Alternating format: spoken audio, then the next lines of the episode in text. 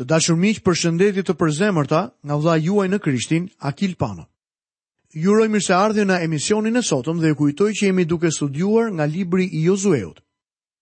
Sot do fillojmë studimin tonë në kapitullin e 7 të këtij libri. Tema që do të shqyrtojmë në këtë kapitull është mundja dramatike në qytetin e Ait. Armiku më i keq që ti ke dhe ke pasur ndonjëherë është vetja jote. Vetja përdor të njëjtin tru si ti dhe unë në mendimet e saj shkatërruese. Përdor të njëjtat duar si ti. Ky armik mund të dëmtojë më shumë se kushdo tjetër. Vetja jote është pengesa më e madhe që ke në jetën e përditshme të krishterë. Ekzistojnë dy faktorë që bëjnë marrëveshjen me këtë armik dyfisht të vështirë. Së pari, Nuk duam ta pranojmë dhe ta identifikojmë atë. Ngurrojmë ta quajmë armik. Çështja qëndron se shumë prej nesh e pëlqejnë. Problemi i dytë është se ky armik ndodhet brenda nesh. Nëse do të mund të dilte jashtë dhe të luftonte, atëherë do të ishte ndryshe, por kjo nuk ndodh, jo për shkak se është frikacak, por për shkak se mund të luftojë më mirë nga pozicioni i tij i brendshëm. Kombe, qytete, kisha dhe individë janë shkatërruar nga armiqtë e brendshëm. Rusia ra në duart e komunistëve, jo për shkak të presionit gjerman të jashtëm, por për shkak të nxitjes së doktrinës së brendshme. Nga historia e lashtë vjen një rrëfenjë autentike që hyn në kategorinë e mitologjisë dhe thotë se qyteti i Trojës i mbajti grekët për dhjetë vjet larg tij. Më në fund, grekët u larguan duke lundruar dhe lanë në tokën trojane një kalë të drunjtë. Trojanët e futën kalin e drunjtë brenda mureve të qytetit dhe pikërisht nga ai erdhi asgjësimi dhe shkatërrimi i Trojës. Në një mënyrë të ngjashme, kishat shkatërrohen nga brenda dhe jo nga forcat e jashtme. Zoti Jezu Krisht në letrat e tij drejtuar shtatë kishave të Azisë së Vogël u dha atyre disa paralajmërime. Asnjë nga këto kisha nuk mori paralajmërime për armiqtë e jashtëm. Jezusi tha, sepse ke aty disa që mbajnë mësimin e Balamit, kështu ti ke edhe disa që mbajnë mësimin e Nikolaitëve, të cilën gjë e urrej. Jezusi gjithashtu paralajmëroi, Por kam disa gjëra kundër teje, sepse ti e lejon gruan Izabel që e quan veten profeteshë, të mësojë dhe t'i mashtrojë shërbëtorët e mi të kurvërojnë dhe të hanë gjëra të flijuara idhujve. Në fakt, Krishti u tha këtyre kishave, Ju keni diçka për brenda që po sjell shkatërrimin. Tradhtia dhe mungesa e besnikërisë në kishën e sotme po dëmton çështjen e Zotit më shumë se çdo armik tjetër i jashtëm. Djalli mund t'i shkatërrojë kishat tona vetëm nga brenda dhe jo nga jashtë. Gjithashtu miku im, një individ mund të shkatërrohet nga brenda. Aleksandri i Madh ishte ndoshta gjeniu më i madh ushtarak që zhvendosi ushtritë nëpër faqet e historisë. Nuk ka pasur asnjë si ai. Para moshës 35-vjeçare, ai kishte pushtuar botën, por në fund, vdiq si pijanec. Ai zotëroi botën, por nuk mundi të zotëronte dot veten e tij. Brenda tij ishte një armik që e shkatërroi përfundimisht. E vetmja betejë ku bijtë e Izraelit humbën në marrjen e tokës së premtuar, ishte beteja në të cilën erdhi mundja jo nga jashtë, por nga brenda. Kur bijtë e Izraelit hynë në Tokën e Premtuar, para tyre qëndronin vetëm tre armiq të spikatur dhe të jashtëzakonshëm. Ato ishin Jeriko, Ai dhe Gibeonitët. Këta tre armiq të Izraelit pengonin kënaqësinë e tij dhe zotërimin e tokës së premtuar. Toka ishte aty. Perëndia u kishte thënë se ishte e tyre. Perëndia u kishte dhënë dokumentin e pronësisë në premtimin e tij ndaj Abrahamit. Tek Jozueu një dhe vargu i tretë, Zoti i tha Jozueut, Unë ju kam dhënë çdo vend që tabani i këmbës suaj ka për të shkelur, siç i thashë Moisiut. Perëndia u tha, është i juaji, shkoni, zotërojeni dhe shijoni atë që po merrni. Çfarë mësimi i mrekullueshëm për ne. Këtyre njerëzve iu dha një vend prej 300.000 metra katrorësh dhe në ditët e tyre më të mira, ata arritën të zotëronin vetëm 30.000 metra katrorë. Të krishterëve sot u janë dhënë të gjitha bekimet shpirtërore. Por sa prej tyre i shijojnë ato? Sa prej tyre janë me të vërtetë tuajat? Ti ke dokumentin e pronësisë për to, por a po i shpall dhe a po i shijon ashtu siç synonte Zoti. Mendoni për të krishterët që janë bekuar me të gjitha bekimet shpirtërore dhe jetojnë ende si të vobektë shpirtërorë. Perëndia i vuri ato bekime në dispozicionin tonë, por nëse duam t'i marrim ato, atëherë duhet të zhvillojmë beteja dhe të korrim fitore. Tek Jozueu kapitulli 7 dhe i 8, mundja dhe fitorja në qytetin e Ait përfaqësojnë mishin tek besimtari. Mëkati i Akanit ishte mëkati në kamp. Hapat e mëkatit të mishit janë pashë fizikisht lakmova mendërisht dhe mora në mënyrë të vullnetshme. Nuk do të ketë asnjë çlirim prej tyre nëse besimtari nuk merret me mëkatin në jetën e tij. Le të shohim vargjet. Lexojmë nga kapitulli 7 i librit të Jozueut, vargun e parë. Por bijtë e Izraelit kryen një shkelje rreth gjërave të caktuara për shfarosje, sepse Akani, djali i Karmit, i Zabdiut, birit të Zerahut nga fisi i Judës, mori disa sende të caktuara për shfarosje. Ky varg na tregon se bijtë e Izraelit kryen një shkelje, por vetëm një njeri, Akani, kreu mëkatin. Të gjithë kombit iu desh të vuante vetëm për shkak të asaj që bëri Akani. Kjo është mjaft interesante, sepse shumë njerëz qëndrojnë jashtë dhe kritikojnë kishën. Ata flasin për dështimin e kishës dhe braktisjen e saj. Madje edhe unë veproj kështu ndonjëherë. Por miku im, të flasësh për kishën si anëtar i saj është tjetër gjë dhe të qëndrosh jashtë saj duke mos bërë asgjë është tjetër gjë. Nëse kisha po dështon dhe ndodhet në një gjendje braktisje, atëherë unë dhe ti jemi të përzier në të si anëtar kishe. Nëse një anëtar vuan, atëherë të gjithë anëtarët e tjerë vuajnë. 1 Korintasi 12 vargu 26 na tregon. Dhe nëse vuan një gjymtyrë, të gjitha gjymtyrët vuajnë.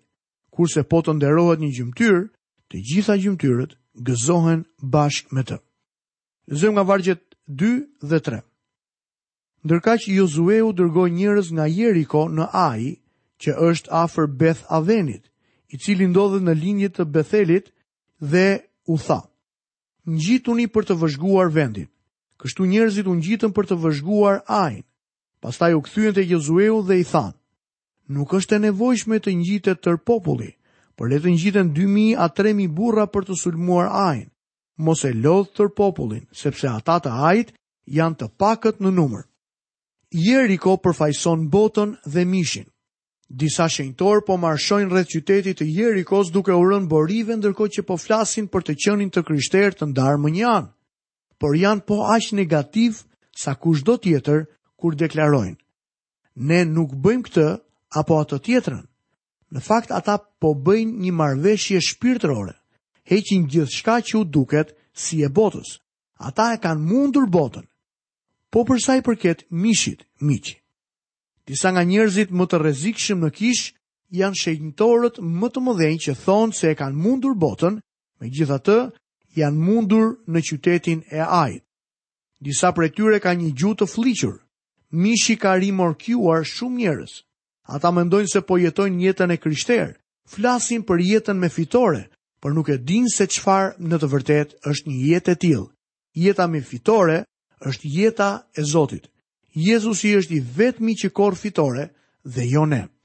Bijtë e Izraelit ndodheshin në ngazëllimin e fitores. Ata kishin mundur Jerikon, edhe pse ishte fitorja e Zotit, në një kohë të shkurtër Izraeli mendoi për të si për fitoren e tij. Jozueu dërgoi disa nga njerëzit e tij për të parë në qytetin e Ait. Pasi e panë qytetin me kujdes, thanë, Ai nuk është asgjë, krahasuar me Jerikon. Kur ndodhesha në atë vend, e pashë këtë qytet me dylbi. Nuk u ngjitëm atje. Qyteti i Ait është një vend i vogël i vjetër që nuk kishte shumë vlerë. Lexojmë vargjet 4 dhe 5. Kështu u ngjitën rreth 3000 burra të zgjedhur nga radhët e popullit, por para burrave të Ait ua mbathën këmbëve. Dhe burrat e Ait vranë rreth 36 prej tyre, i ndoqi nga porta e qytetit deri në Shebarim, duke i goditur në të tatëpjetë. Dhe zemra e popullit u ligështua, u bë si ujë. Izraeli u mund nga burrat e Ait. Unë dhe ti mundemi nga mishi, Për të mundur mishin, nuk mund të përdorim të njëjtat taktika që përdorëm për të mundur botën. Izraelitët nuk i njihnin dobësitë e tyre. Apostulli Pal pranoi dobësinë e tij kur tha: Në fakt, unë e di se në mua, domethënë në mishin tim, nuk banon asgjë e mirë, sepse ndonëse e kam dëshirën për të bërë të mirën, nuk ia gjej mënyrën. Miku im i krishterë, a e ke zbuluar se nuk ke fuqi apo forcë brenda vetes tënde? Ti nuk mund ta jetosh jetën e krishterë dhe Perëndia nuk ta kërkon kurrë këtë. Zoti dëshiron të jetojë jetën e krishterë nëpërmjet teje. Tek Romakët kapitulli shtatë, Pali zbulon se nuk kishte asgjë të mirë në natyrën e tij të vjetër. Ai zbulon se nuk kishte forcë në natyrën e tij të re, Natyra e re dëshiron të jetojë për Zotin, por nuk ka fuqi për ta bërë këtë. Tek Romakët kapitulli 8, ne prezantohemi me shpirtin e shenjtë të Perëndisë. Vetëm kur mbushemi me shpirtin e shenjtë, mund të jetojmë jetën e krishterë. Lexojmë nga vargjet 6 dhe 7. Jozueu i grisi atëherë rrobat e tij dhe ra përmbys me fytyrë për tokë përpara arkës së Zotit deri në mbrëmje, Ai dhe pleqtë e Izraelit dhe hodhën pluhur mbi kokën e tyre. Pastaj Jozueu tha: O Zot, o Zot, pse bëri që ky popull të kalojë përtej Jordanit dhe të bjerë në duart e amorejve për t'u vrarë? Ah sikur të ishim kënaqur dhe duke qëndruar këtej Jordanit. Ne kemi dëgjuar këtë këngë edhe më parë. Jozueu po këndon në gjendjen e tij të dëshpëruar. Ai i mësoi lirikat në shkretëtirë me bijtë e Izraelit. Jozueu nuk e këndoi këtë këngë në shkretëtirë, por ai po e këndon tani. Ai nuk mund ta kuptojë pse e humbi betejën, kështu që gris rrobat dhe bërtet. Lexojmë poshtë nga vargu i 8 deri në vargun e 10. O Zot, ç'mund të them pasi Izraeli i ktheu kurrizin armikut të tij? Kananejtë dhe tërë banorët e vendit do ta marrin vesh, do të na rrethojnë dhe do të zhdukin emrin tonë nga faqja e dheut. Çfarë do të bësh ti atëherë për emrin tënd të madh? Dëgjoni se çfarë thotë Zoti, ai hyn direkt në temë. Por Zoti i tha Jozueut, Çohu, pse rri përmbys me fytyrë për tokë? Ai i tha Jozueut, Çohu, pse rri me fytyrë përmbys për tokë? Largoje vajin, thesin dhe hirin. Ka të krishterë që i shpenzojnë lutjet e tyre duke qarë përpara Zotit. Kjo nuk ka për të sjellë asnjë të mirë miq. Ne duhet të shkojmë tek rrënja e problemit. Lexojmë vargun e njëmbëdhjetë. Izraeli ka mëkatuar, ata kanë shkelur besëlidhjen që u kisha porositur, kanë marrë madje gjëra të caktuara që do të shfaroseshin, kanë vjedhur dhe kanë gënjyer, dhe pastaj i kanë vënë midis plaçkave të tyre. Jozueu nuk e dinte që Izraeli kishte mëkatuar, ai nuk e kishte mprehtësinë shpirtërore që ishte në kishën e hershme. Kur Anania dhe Safira gënjyen për pronësinë e tyre tek libri i Veprave kapitulli i pestë, fryma e shenjtë zbuloi gjithçka menjëherë. Kisha e hershme ishte e ndjeshme ndaj mëkatit. Zoti i tha Jozueut që në kamp kishte mëkat dhe se ai duhej të merrej me të. Lexojmë më poshtë nga vargu i 14. Nesër në mëngjes pra do të paraqiteni fis më fis, dhe fisi që Zoti do të caktojë do të paraqitet, familje më familje, dhe familja që Zoti do të caktojë do të shkojë shtëpi më shtëpi. dhe shtëpia që Zoti do të caktojë ka për t'u paraqitur me të gjithë njerëzit e saj. Fisi i Judës dhe familja e Zerahut u gjendën fajtorë. Lexojmë vargun e 18. Pastaj afroi shtëpinë e Zabdit, person për person, dhe u caktua Akani, biri i Karmit, i Zabdit, birit të Zerahut nga fisi i Judës. Izraeli duhet të kalonte përmes kësaj procedure të vështirë në mënyrë që të gjente palën fajtore. Ishte mjaft e vështirë për ta të dallonin të keqen në kamp. Edhe për ne duket e vështirë të dallojmë të keqen në kishë. Anëtarët e kishës duket sikur janë më të verbërit ndaj së keqes në komunitetet tona. Ata mund ta shohin të keqen në një klub nate, në një dyqan pijesh ose tek ndonjë politikan, por nuk e shohin mëkatin në familjet e tyre apo në kishë. Sa tragjike është kjo gjë. Lexojmë nga vargjet 19 deri në vargun e 21. Atëherë Jozueu i tha Akanit: Biri im, të lutem mbushe me lavdi Zotin Perëndinë e Izraelit. Rrëfeja atij dhe më thuaj atë që ke bërë, mos ma fshih. Akani iu përgjigj Jozueut dhe i tha: Në të vërtetë, jam unë që kam mëkatuar kundër Zotit, Perëndisë së Izraelit, dhe ja ç'kam bërë.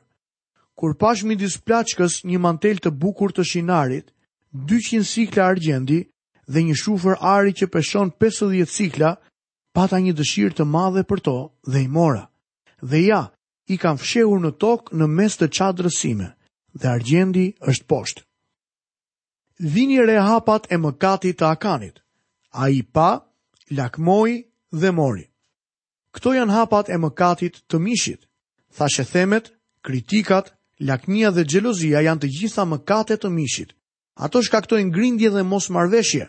Për shembul, kritikat ndërtojnë egoizmin tënd. Ato e drejtojnë vëmendjen tek vetja jote. Ato të bëjnë të dukesh më mirë se personi tjetër që po kritikon. Mëkati i vjetër i mishit sheh, lakmon dhe pastaj merr.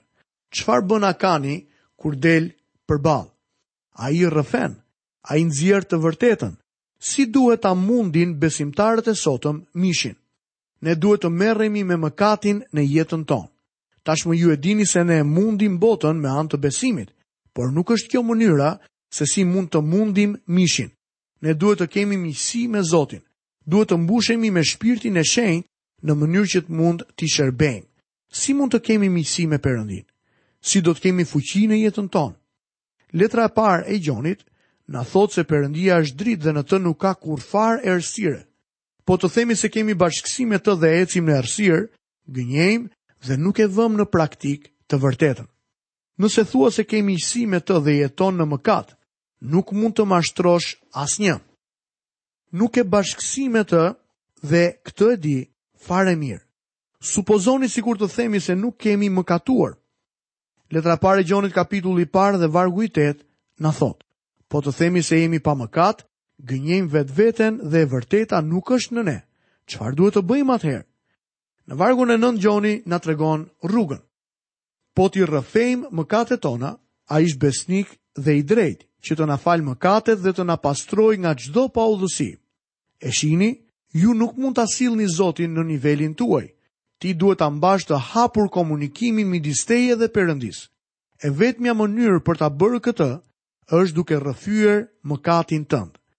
Gjoni shton, Po të themi se s'kemi mëkatuar, e bëjmë atë gënjeshtar dhe fjala e tij nuk është në ne. Kjo gjuhë është e ashpër, Perëndia thotë se nëse themi që nuk kemi mëkat, gënjejmë. Dhe unë besoj se ai ka të drejtë. Por çfarë na duhet të bëjmë? Ne duhet të rrëfejmë mëkatet tona. Si? Rrëfimi i vërtetë nuk merret me përgjithësime. Shqiptojeni ashtu siç Akani. Unë i pashë ato, pata një dëshirë të madhe për to dhe i mora. Tregoji Perëndisë çdo gjë të zemrës tënde. Hapja zemrën Zotit. Ti mund t'i thuash çdo gjë. Nuk ka kuptim që t'ia mbash të fshehtë, sepse ai, tashmë, di gjithçka për të. Mel Trotter tregon për një njeri, një doktor, që kur lutej thoshte, Zot, nëse kam mëkatuar, më fal. Mel Trotter u lodh duke e dëgjuar dhe një ditë prej ditësh shkoi tek doktori dhe i tha, Doktor, ti thua gjithmonë nëse unë kam mëkatuar, a nuk e di ti nëse mëkaton apo jo? Doktori tha, e marr me mend se mëkatoj, nuk e di se çfarë mëkati bën? Jo, tha doktori, nuk e di. Atëherë Mel Trotter i tha, Nëse nuk e di, atëherë gjeje. Herën tjetër doktori u lut dhe e gjeti se çfarë mëkati kishte bërë. Është e habitshme miqtë e mi se si ne nuk futemi në temë në lutjet tona. Jemi të përgjithshëm dhe të sipërfaqshëm, veçanërisht në kohën e rrëfimit. Shko tek Perëndia dhe thuaj saktësisht, specifikisht se cili është mëkati yt. Ky do të thotë rrëfim. Nuk mund të ketë gëzim, fuqi apo fitore në jetën tënde në rast se nuk ka rrëfim të mëkatit. Lexojmë vargjet 25 dhe 26. Dhe Jozueu tha: Pse na vure në telashe? Zoti do të të vërë në telashe ty sot. Dhe i tërë Izraeli e vrau me gurë dhe mbasi e vranë me gurë, e dogjën në zjarr. Pastaj ngritën mbi të një grumbull të madh gurësh që ekziston edhe sot. Kështu Zoti u qetësua nga rrëmbimi i zemërimit të tij. Prandaj ky vend quhet edhe sot Lugina e Akorit. Kjo situatë është shumë serioze dhe theksohet edhe për besimtarët në Dhiatën e Re. Romakët 8 vargu i 13 na thotë: Sepse po të rroni sipas mishit, do të vdisni, por nëse rroni me anë të frymës, i bëni pra të vdesin veprat e trupit dhe kështu do të rroni. Apostulli Pal tha, sepse po të shqyrtonim veten tonë, nuk do të gjykoheshim, por kur gjykohemi, ndreqemi nga Zoti që të mos dënohemi bashkë me botën. Nëse nuk e gjykojmë veten tonë, Perëndia do të na gjykojë dhe gjykimi i tij ndonjëherë është shumë serioz. Nuk është mirë të vajtosh dhe ankohesh ashtu siç Jozueu. E vetmja gjë që duhet bërë është të shkosh tek Zoti dhe t'i rregullosh gjërat. Sa herë që i rrëfejmë mëkatet tona dhe largohemi prej tyre, përjetojmë gëzimin e Zotit si kurrë ndonjëherë. Të dashur miq, këtu kemi mbërritur në fundin e emisionit të sotëm. Nga vëllai juaj në Krishtin Akil Pano, paçi të gjithë bekimet e Perëndisë dhe paqen e tij në jetën tuaj. Perëndia ju dhëntë hir dhe kuptim në fjalën e Zotit, në mënyrë që çdo ditë ta jetoni Krishtin me bindje. Bashkë mirudëgjofshim në emisionin e ardhshëm.